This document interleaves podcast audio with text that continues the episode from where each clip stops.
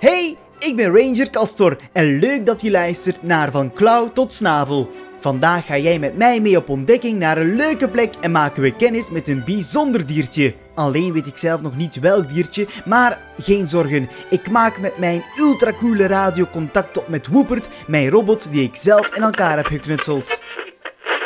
Hallo, Woepert, kun je mij horen? Jazeker, Castor, luid en duidelijk. Vertel eens, naar welk bijzonder dier mag ik vandaag op zoek gaan?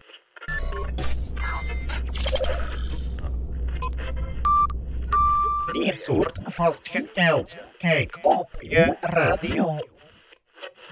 Een egel? Oh, ja, dan moet ik weer naar het bos. Dankjewel, Woepert. Zo, met mijn blieper die ik met Woepert heb uitgevonden, kan ik weer ultra snel naar het bos gaan. Let maar op. Zo, we zijn er. Oh, even goed opletten, want eh, als ik nu trap op een egel, ik denk dat dat heel veel pijn kan doen. Want ja, een volwassen egel die kan maar liefst 9000 bruine stekels op zijn rug hebben. Dat is veel. Daardoor zijn ze dus makkelijk te herkennen. Ze hebben een bruin hoofdje met een spitse snuit, ideaal om te woelen in de grond op zoek naar voedsel. Oh ja, laat je vingers maar niet te snel zien, want egels die hebben enorm scherpe tandjes. En als je goed naar hun achterkant kijkt, zie je misschien zelfs een kort staartje. Met die stoere, prikkende stekels op hun rug gaat een vos of een das niet snel een egel proberen te eten. Maar een sperwer of een uil durft toch wel eens een egel op te rapen. Helaas is ook de mens hier weer een enorme vijand voor de egels, want egels worden enorm vaak aangereden door die voorbijrazende auto's. Waarschijnlijk heb je nog nooit een egeltje gehoord, maar toch maken ze een enorm luid geluid. Sterker nog, ze zijn het luidste dier in onze bossen. Straf toch, zo'n klein diertje. Luister maar eens goed naar deze opname die ik heb gemaakt met mijn ultramicrofoon.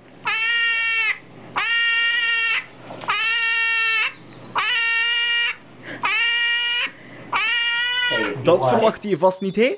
Mijn oren doen er nog pijn van. Een egeltje voelt zich het liefste thuis in een beschutte plaats. Eh, een lage struik of uh, heggen, houten planken met bladeren, als er maar veel schuilgelegenheid is. Het kan dus perfect zijn dat een egeltje in je eigen tuin woont of in je dichtbijzijnde park. Als je dus op zoek wilt gaan naar een egel, moet je dus even op zoek gaan naar ja, uh, drolletjes, kaka, oei oei.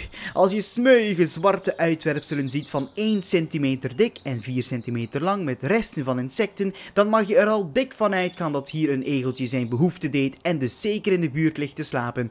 Jawel, te slapen. Egels zijn echte nachtdieren. Om een lopend exemplaar tegen te komen, zal je midden in de nacht je bed moeten uitstappen om terug naar de plek te gaan waar je het drolletje vond. En je weet vanaf nu ook hoe een egel klinkt, dus spits die oren van je maar heel goed tijdens je zoektocht. Zeg, Wist je trouwens dat egels heel snel kunnen zijn? Ze kunnen in 1 seconde 2 meter halen. Snel toch?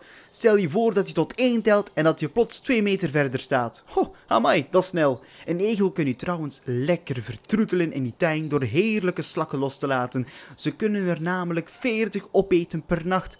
Amai, die hebben nogal een dikke buik, denk ik. Nog een leuk feitje is dat egels tot 8 jaar oud worden. En dat ze een winterslaap houden. Ja, ja. En wat voor een. Van oktober tot april ga je ze zo goed als niet kunnen spotten dankzij die lange slaap. Ze ademen dan maar één keer om de twee minuten. Straf, hè? Oh, eindelijk! Ik zie er één. Ja, zo zie je maar. Met deze dieren moet je echt veel geduld en een portie geluk hebben. Zo, hopelijk vond je het superleuk om met mij op ontdekking te gaan. Tot binnenkort op een nieuwe expeditie.